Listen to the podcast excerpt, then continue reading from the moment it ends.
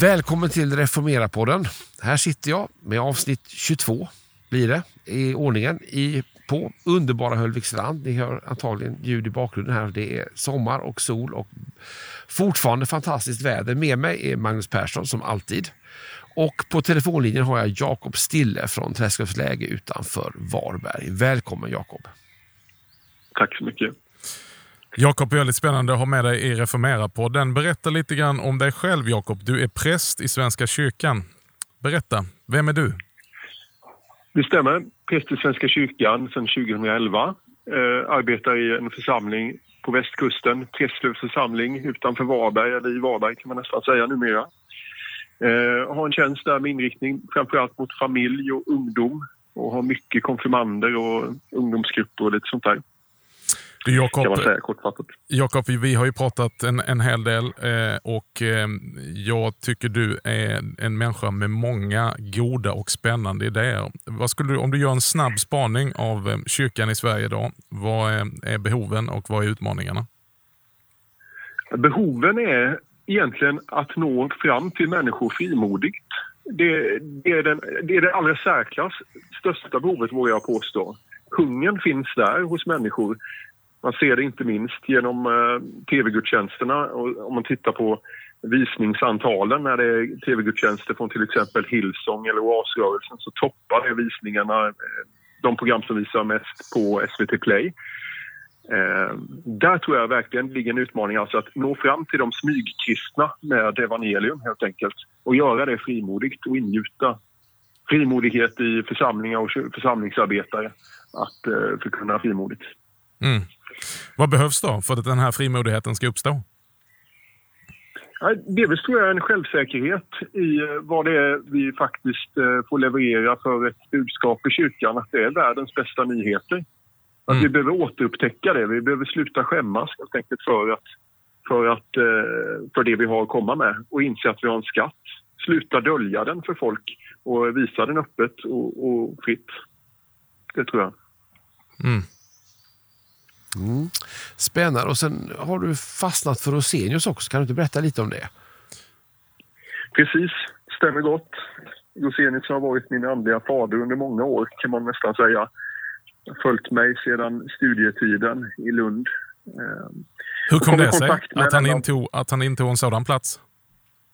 Ja, alltså eh, jag blev sjuk, ganska allvarligt sjuk under min eh, studieperiod hade dessförinnan haft en så här, som man kallar för andlig blomstringsperiod då hinnan mellan himmel och jord var liksom tunn i mitt liv och bönesvar, bönesvaren var tydliga och Gud, Guds närvaro var påtaglig och sådär.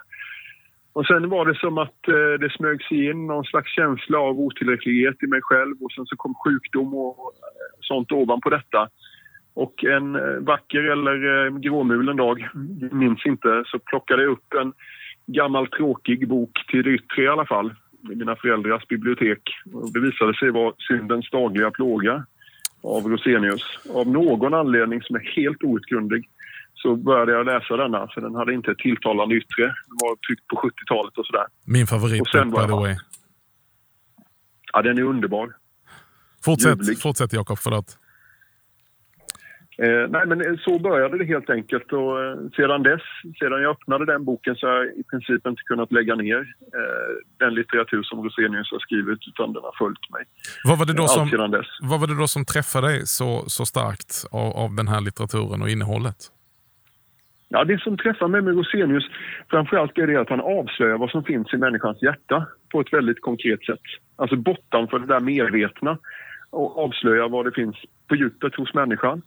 Eh, och låter liksom, ja, både människan och Bibeln förklaras genom det. Mm. Så i, i kontakten med Rosenius litteratur så blir både människan klar, alltså bilden av vad människan är, och Bibeln eh, blir klar på det där sättet som man intuitivt erfar att det är sanning, det som eh, man läser. Då finns det ju de som säger idag att ja, men det där var 1800-talet, det ska vi inte syssla med idag. Det är att skuldbelägga människor, det är att eh, harva runt i synden och, och tala om det. Det, det, det, det. det är ingen bra människosyn. Vad säger du om det då? Nej, alltså, eh, man kan ha synpunkter på eh, formuleringar och språkbruk och det kan kännas främmande att närma sig en eh, person som, eh, eller en skrift som är skriven på 1800-talet på det sättet. Eh, och samtidigt så är det så oerhört viktigt därför att det, det, det som jag sa inledningsvis är att det avslöjar verkligen någonting om människan på djupet. Alltså, eh, tar man del av litteraturen och verkligen granskar det på djupet, alltså eh, ställer sig, eh, vad ska jag säga, tappar jag orden här. Nej men om man, om man eh, om man prövar sig själv inför det som man eh, läser i litteraturen så så talar det verkligen oerhört klart och tydligt och tillrättalägger missförstånd om vad som finns i människan på ett sånt sätt som man blir överbevisad, vågar jag påstå. Ja, jag, jag håller ju helt med. Jag, jag bara tar upp det utifrån att jag har mött detta när jag har talat om hur syndens dagliga plåga verkligen knockade mig. Eh, ja. Att Visst kan kulturen och trender förändras, men människan förblir densamma. Det är som med klädmodet. Som Bert Lönndahl brukar säga, att klädmodet förändras, men axlarna sitter där de sitter och höfterna sitter där de sitter. Människan är densamma så är det också med vår själ. Exakt. Exakt.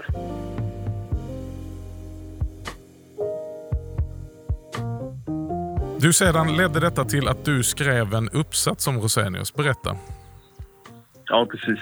Jag gjorde mitt slutarbete under min akademiska tidsperiod där med eh, inriktning på Rosenius och Rosenius syn på människans fria vilja. Hur fri är den och, och, och så vidare och hur, hur medverkar människan eller medverkar människan överhuvudtaget i frälsningen eh, och så och fördjupade mig då i Rosenius eh, romarbrevskommentar där med den frågeställningen i grunden. Mm. Spännande. När du närmar Rosenius så pratar du med oss i FS här nu. Förvaltar vi det här bra nog, arvet vi har? Arvet från Rosenius? Mm.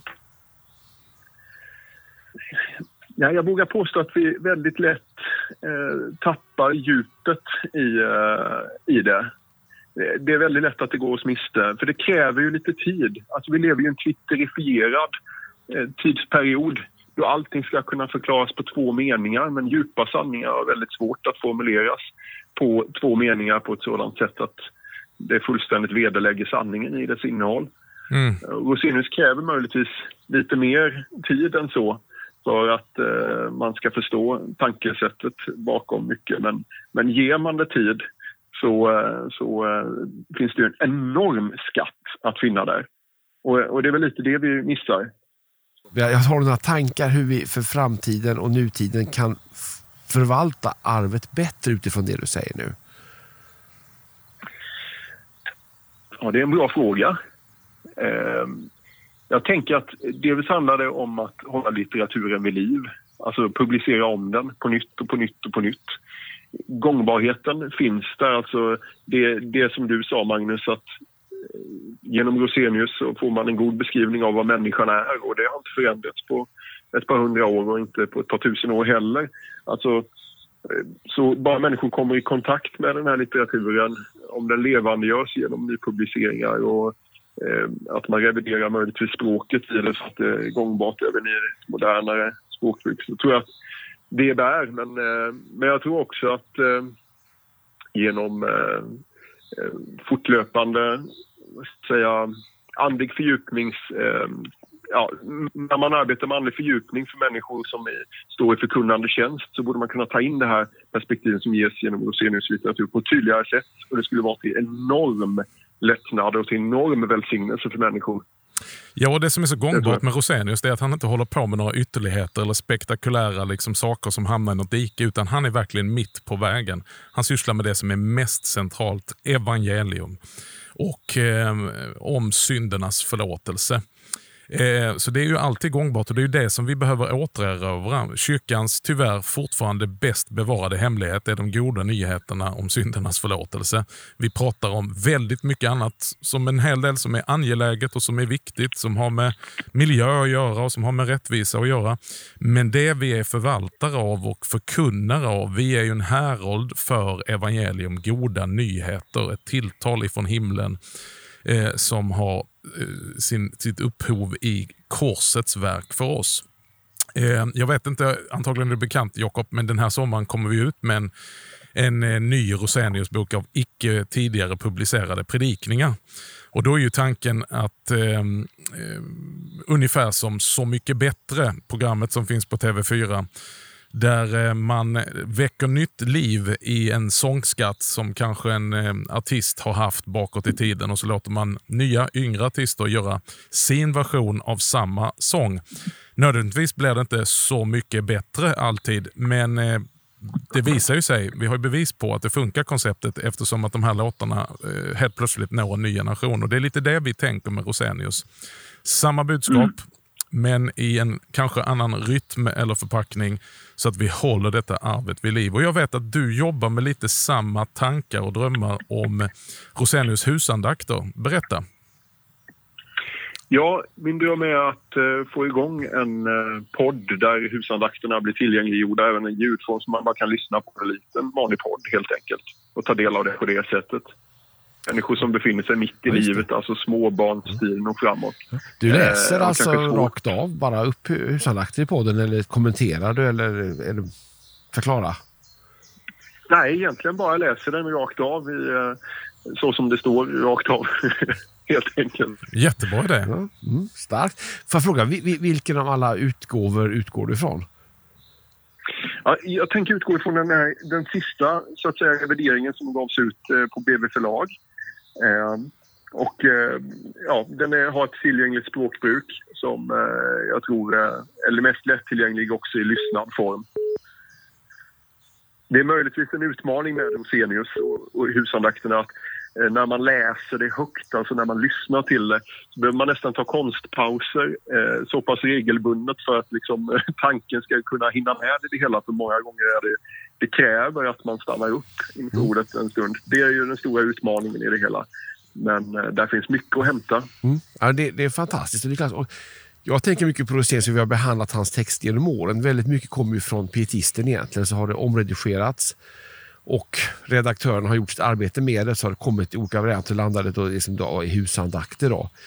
Eh, men det är mycket, som jag ser revideringar på revideringar av husandakter som det är nu. Det är väl en revidering av Ivan Hellströms 60-talsrevideringar.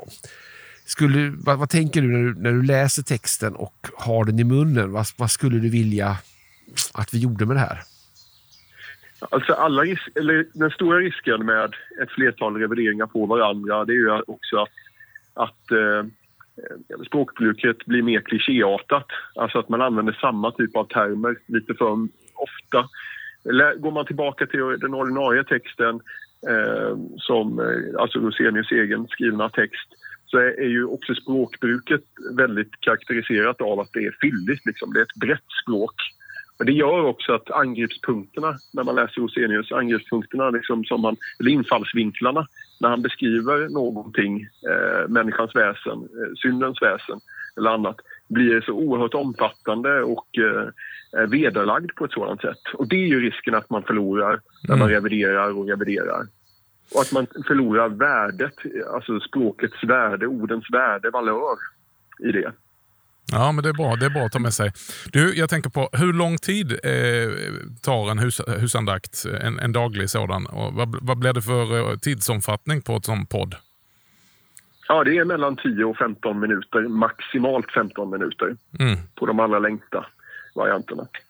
Det är ett jättebra sätt att göra den tillgänglig. Då kan man ha det i hörlurarna när man åker till jobbet och så vidare. En fantastisk idé, Jakob. Jag är nyfiken på eh, riktiga Rosenius-läsare eh, som har växt upp med Rosenius. Jag tillhör ju tyvärr inte dem, jag har sent i livet upptäckt Rosenius. De brukar kunna säga datum. Eh, när jag citerar någonting så brukar de säga att det där är 27 mars eller det där är liksom 15 augusti. Har du någon sån eh, favorit som har betytt mycket för dig?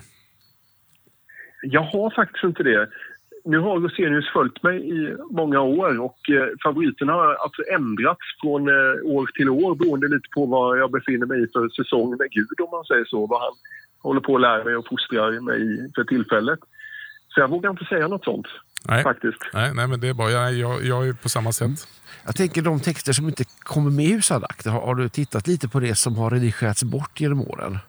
Jag kan inte säga att jag har följt eh, de olika revideringarna som har gjorts och, och, och, eh, studerat vad som har plockats bort något nämnvärt. Det har jag inte gjort. Sen så är ju hela husandaktlitteraturen, det är ju egentligen en antologi från pietisten, alltså från den här tidskriften, där man har plockat eh, texter. Jag har inte tittat närmare som sagt eh, på det, men jag, nej, det har jag inte. jag tycker det är spännande för att det här skedde ju väldigt tidigt när man började redigera om pietisten till just andra format. Då, att man gjorde också en redigering såklart. Eh, I viss fall revidering redan då, men också då faktiskt också ett urval av texterna. Och jag tänker ibland, och jag, jag, jag, har inte koll på det här, men jag blir nyfiken ibland på vad är det vi inte har publicerat genom åren. Mm. Och skulle vara läge att gå tillbaka mm. till de allra första utgåvorna av Pietisten och titta liksom på grundtexterna igen och kanske revidera hela projektet. Också tänka på Rosenius språk. Vi pratade om det fylliga. Kan det vara så att vi idag återigen ligger närmare 1800-talet och skulle kunna börja om med revideringarna egentligen från det som var de allra första utgåvorna. Det här är ju en svensk grej också, för att det är ju likadant vi har gjort med Luthers texter. Luthers texter var ju mycket mustigare och eh, spetsiga och sen när de är översatta så blir de ju lite tillrättalagda. Och läser man lite av Rosenius ursprungliga manuskript och de första eh, ut, utgåvorna så, så har väl han också gått igenom den där tvättningen så att säga. Ja, precis. Det är min bild också. När jag gick igenom eh, eh Romarbrevskommentaren för mitt eh, arbete på, eh, på teologen så gjorde jag också den upptäckten att eh, dogmatiskt språk är generellt sett inte särskilt vanligt förekommande i Rosenius eh, skrifter i Pietisten. Alltså det är dogmatiskt, absolut. Det, jag menar, det innehåller centrala trosbegrepp, det är inte det. Men, men den här dogmatiska, ska säga, ska säga eh, sättet att formulera sig så att det är enkelt för människor att sortera in i kategorier av rätt lära ungefär. Mm. Det är ganska frånvarande i Rosenius i allmänhet. Däremot finns den med under ytan, alltså tankestrukturen finns där. Men det, men det att det är frånvarande i språkbruket gör att å ena sidan eh, hans texter är lättillgängliga för vanliga människor därför att de syftar inte till att eh, kunna liksom bocka för alla de där, de där liksom kriterierna utan de syftar till att tala till en människas liv. Eh, och samtidigt gör det att många forskare som har studerat Rosenius har svårt att placera honom. Mm. Vad är han egentligen? Mm. Men Romarbrevskommentaren har en mer, mer dogmatisk eh, struktur än övrigt. Ett mer dogmatiskt språk. Du gör jag lite... tänker att det är risken också. På tal om detta är jag lite nyfiken på din uppsats där. Du talade om den fria viljan och det var det du skrev om. Medverkar ja. människan aktivt till sin frälsning. Vad, vad kom du fram till för några slutsatser? Eller vad menar du att Rosenius står för? Det här är, ju, ja, det här är en het alltså, potatis. Ja, verkligen. Verkligen. Och, eh, jag, jag, menar att Rosenius har en syn på eh, människan att i sig själv har vi ingen fri vilja, men vi försätts av Gud genom nåd i ett tillstånd av frihet när han erbjuder nåden till oss, när den räcker till oss. Så att vi utifrån den friheten får möjlighet att svara ja eller nej. Så alltså det krävs något mått av människans gensvar på den nåd Gud försätter oss i, varje människa eh, som nås av evangelium. Eh, men så, den medverkan behövs, alltså att vi säger vårt aktiva ja i den situationen när vi försätts i den friheten, mm. eller vårt nej. Men, men i oss själva har vi inte möjlighet att nå Gud. Men det behövs ju inte heller för Gud söker oss. Precis, och han, han brukar också betona det här att människans fria vilja den begränsas av det hon vill från hjärtat och utan Guds ingripande med sin nåd så vill inte människan söka Gud. Så på ett sätt kan man säga att precis. du är fullständigt fri att göra precis det du vill. Så problemet är inte friheten utan problemet är vad du vill. Människan kommer alltid till att göra det hon vill. Och med ett skevt och syndigt hjärta så vill vi inte komma till Gud. Men när Guds nåd rör vid oss, den heliga ande verkar genom ordet, så kommer det ett nådatillfälle där Gud har fått röra vid ditt hjärta så att det helt plötsligt dras mot Gud. Johan sa det i ett annat eh, avsnitt, citerade Augustinus lite grann. Jag söker Gud för att Gud först har sökt mig. Just det. Precis. Ja, det går helt i linje med, eh, med eh, det som framgår också i min studie av Rosenius och Romarbrevet.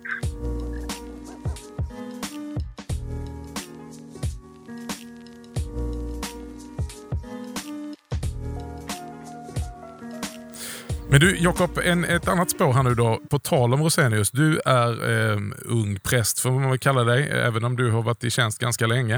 Eh, vad behöver präster idag, om vi talar om prästfortbildning i ljuset av Rosenius. Vad är din spaning? Vad behövs för både unga och äldre präster, men, men om vi tar i, i, i din generation? Det som behövs är utan tvekan grundfundamenten i kristen tro. Jag tror det kopplat till Rosenius så handlar det ju om försoningen. Varför var Jesus tvungen till att komma och varför sände Gud Jesus till världen? Eh, eller varför sände Fadern Sonen? Eh, de grundläggande grundfundamenten. Och eh, på så vis blir också Guds kärlek uppenbar, detta uttryck och begrepp som används vitt och brett i vår tid men som allt mer saknar innehåll utifrån eh, användningen av det där finns kärnan någonstans och där behöver vi liksom etableras som förkunnare i, i visshet och insikt och få göra den personliga resan. Jag tänker att man borde tala mer i termerna av prästformation än prästutbildning. Alltså mm. att låta det få bli en process där präster formas in i, i uh, inte bara kunskapen om försoningen utan också i uh, erfarenheten eller förvissningen om, om försoningen och vad den innebär. Där ser ni någonting stort att bidra med. Mycket intressant. Eh, när du tittar tillbaka, nu har du varit i tjänst i, i tio år. Om du tittar tillbaka på de erfarenheterna du gjort av tjänsten och sen tittar tillbaka på utbildningen. Vad skulle du vilja ha fått av prästformation som prästkandidat? Ja, delvis är det trons grundfundament. Jag vet att jag uttryckte mig lite, lite raljant i något tillfälle och sa det att folk eh, lär sig vem Defter-Jesaja är, alltså den här andra, eh, den andra författaren till en del av Jesaja bok, eh, så som man i alla fall så som teorin säger.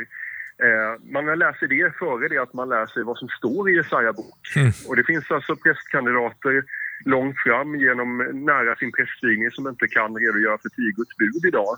Och någonstans är det, det är skrämmande någonstans och, och, man missar alltså det grundläggande och, och hamnar i något perifert väldigt ofta under utbildningens gång, är min bild. Mm. Eh, och där man hade behövt, som kyrka i alla fall, för den akademiska utbildningen är en sak. Mm. Men som kyrka hade man behövt gå in där med kompletterande bitar i trons grundfundament eh, och bygga grunden att stå på som förkunnare så att man kan möta en församling i, och, eh, och ge stöd och vägledning i tros, trons liv. Har utbildningen hamnat för långt bort ifrån kyrkan? Definitivt. Definitivt. EFS är ju en inomkyrklig väckelse och missionsrörelse. Vad kan vi i EFS bidra med här?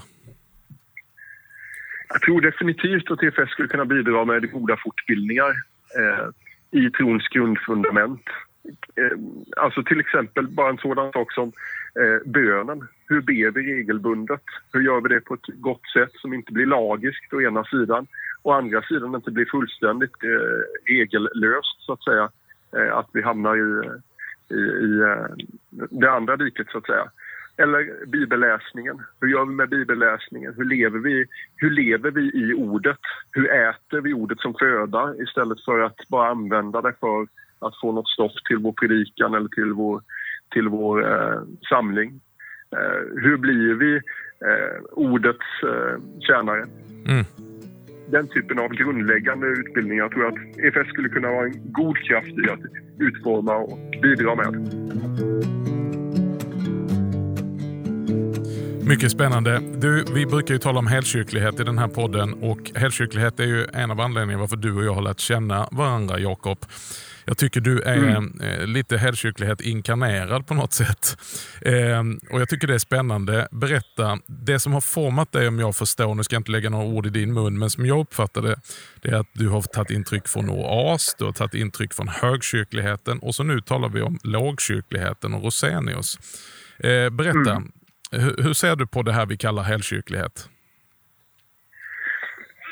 Jag ser helkyrklighet som något oerhört befriande i grund och botten, befriande från subkulturer. Jag tror att kyrkan lider av denna subkulturalisering som kanske har skett. Mm. Ja, det har nog pågått under lång, lång, lång, lång tid.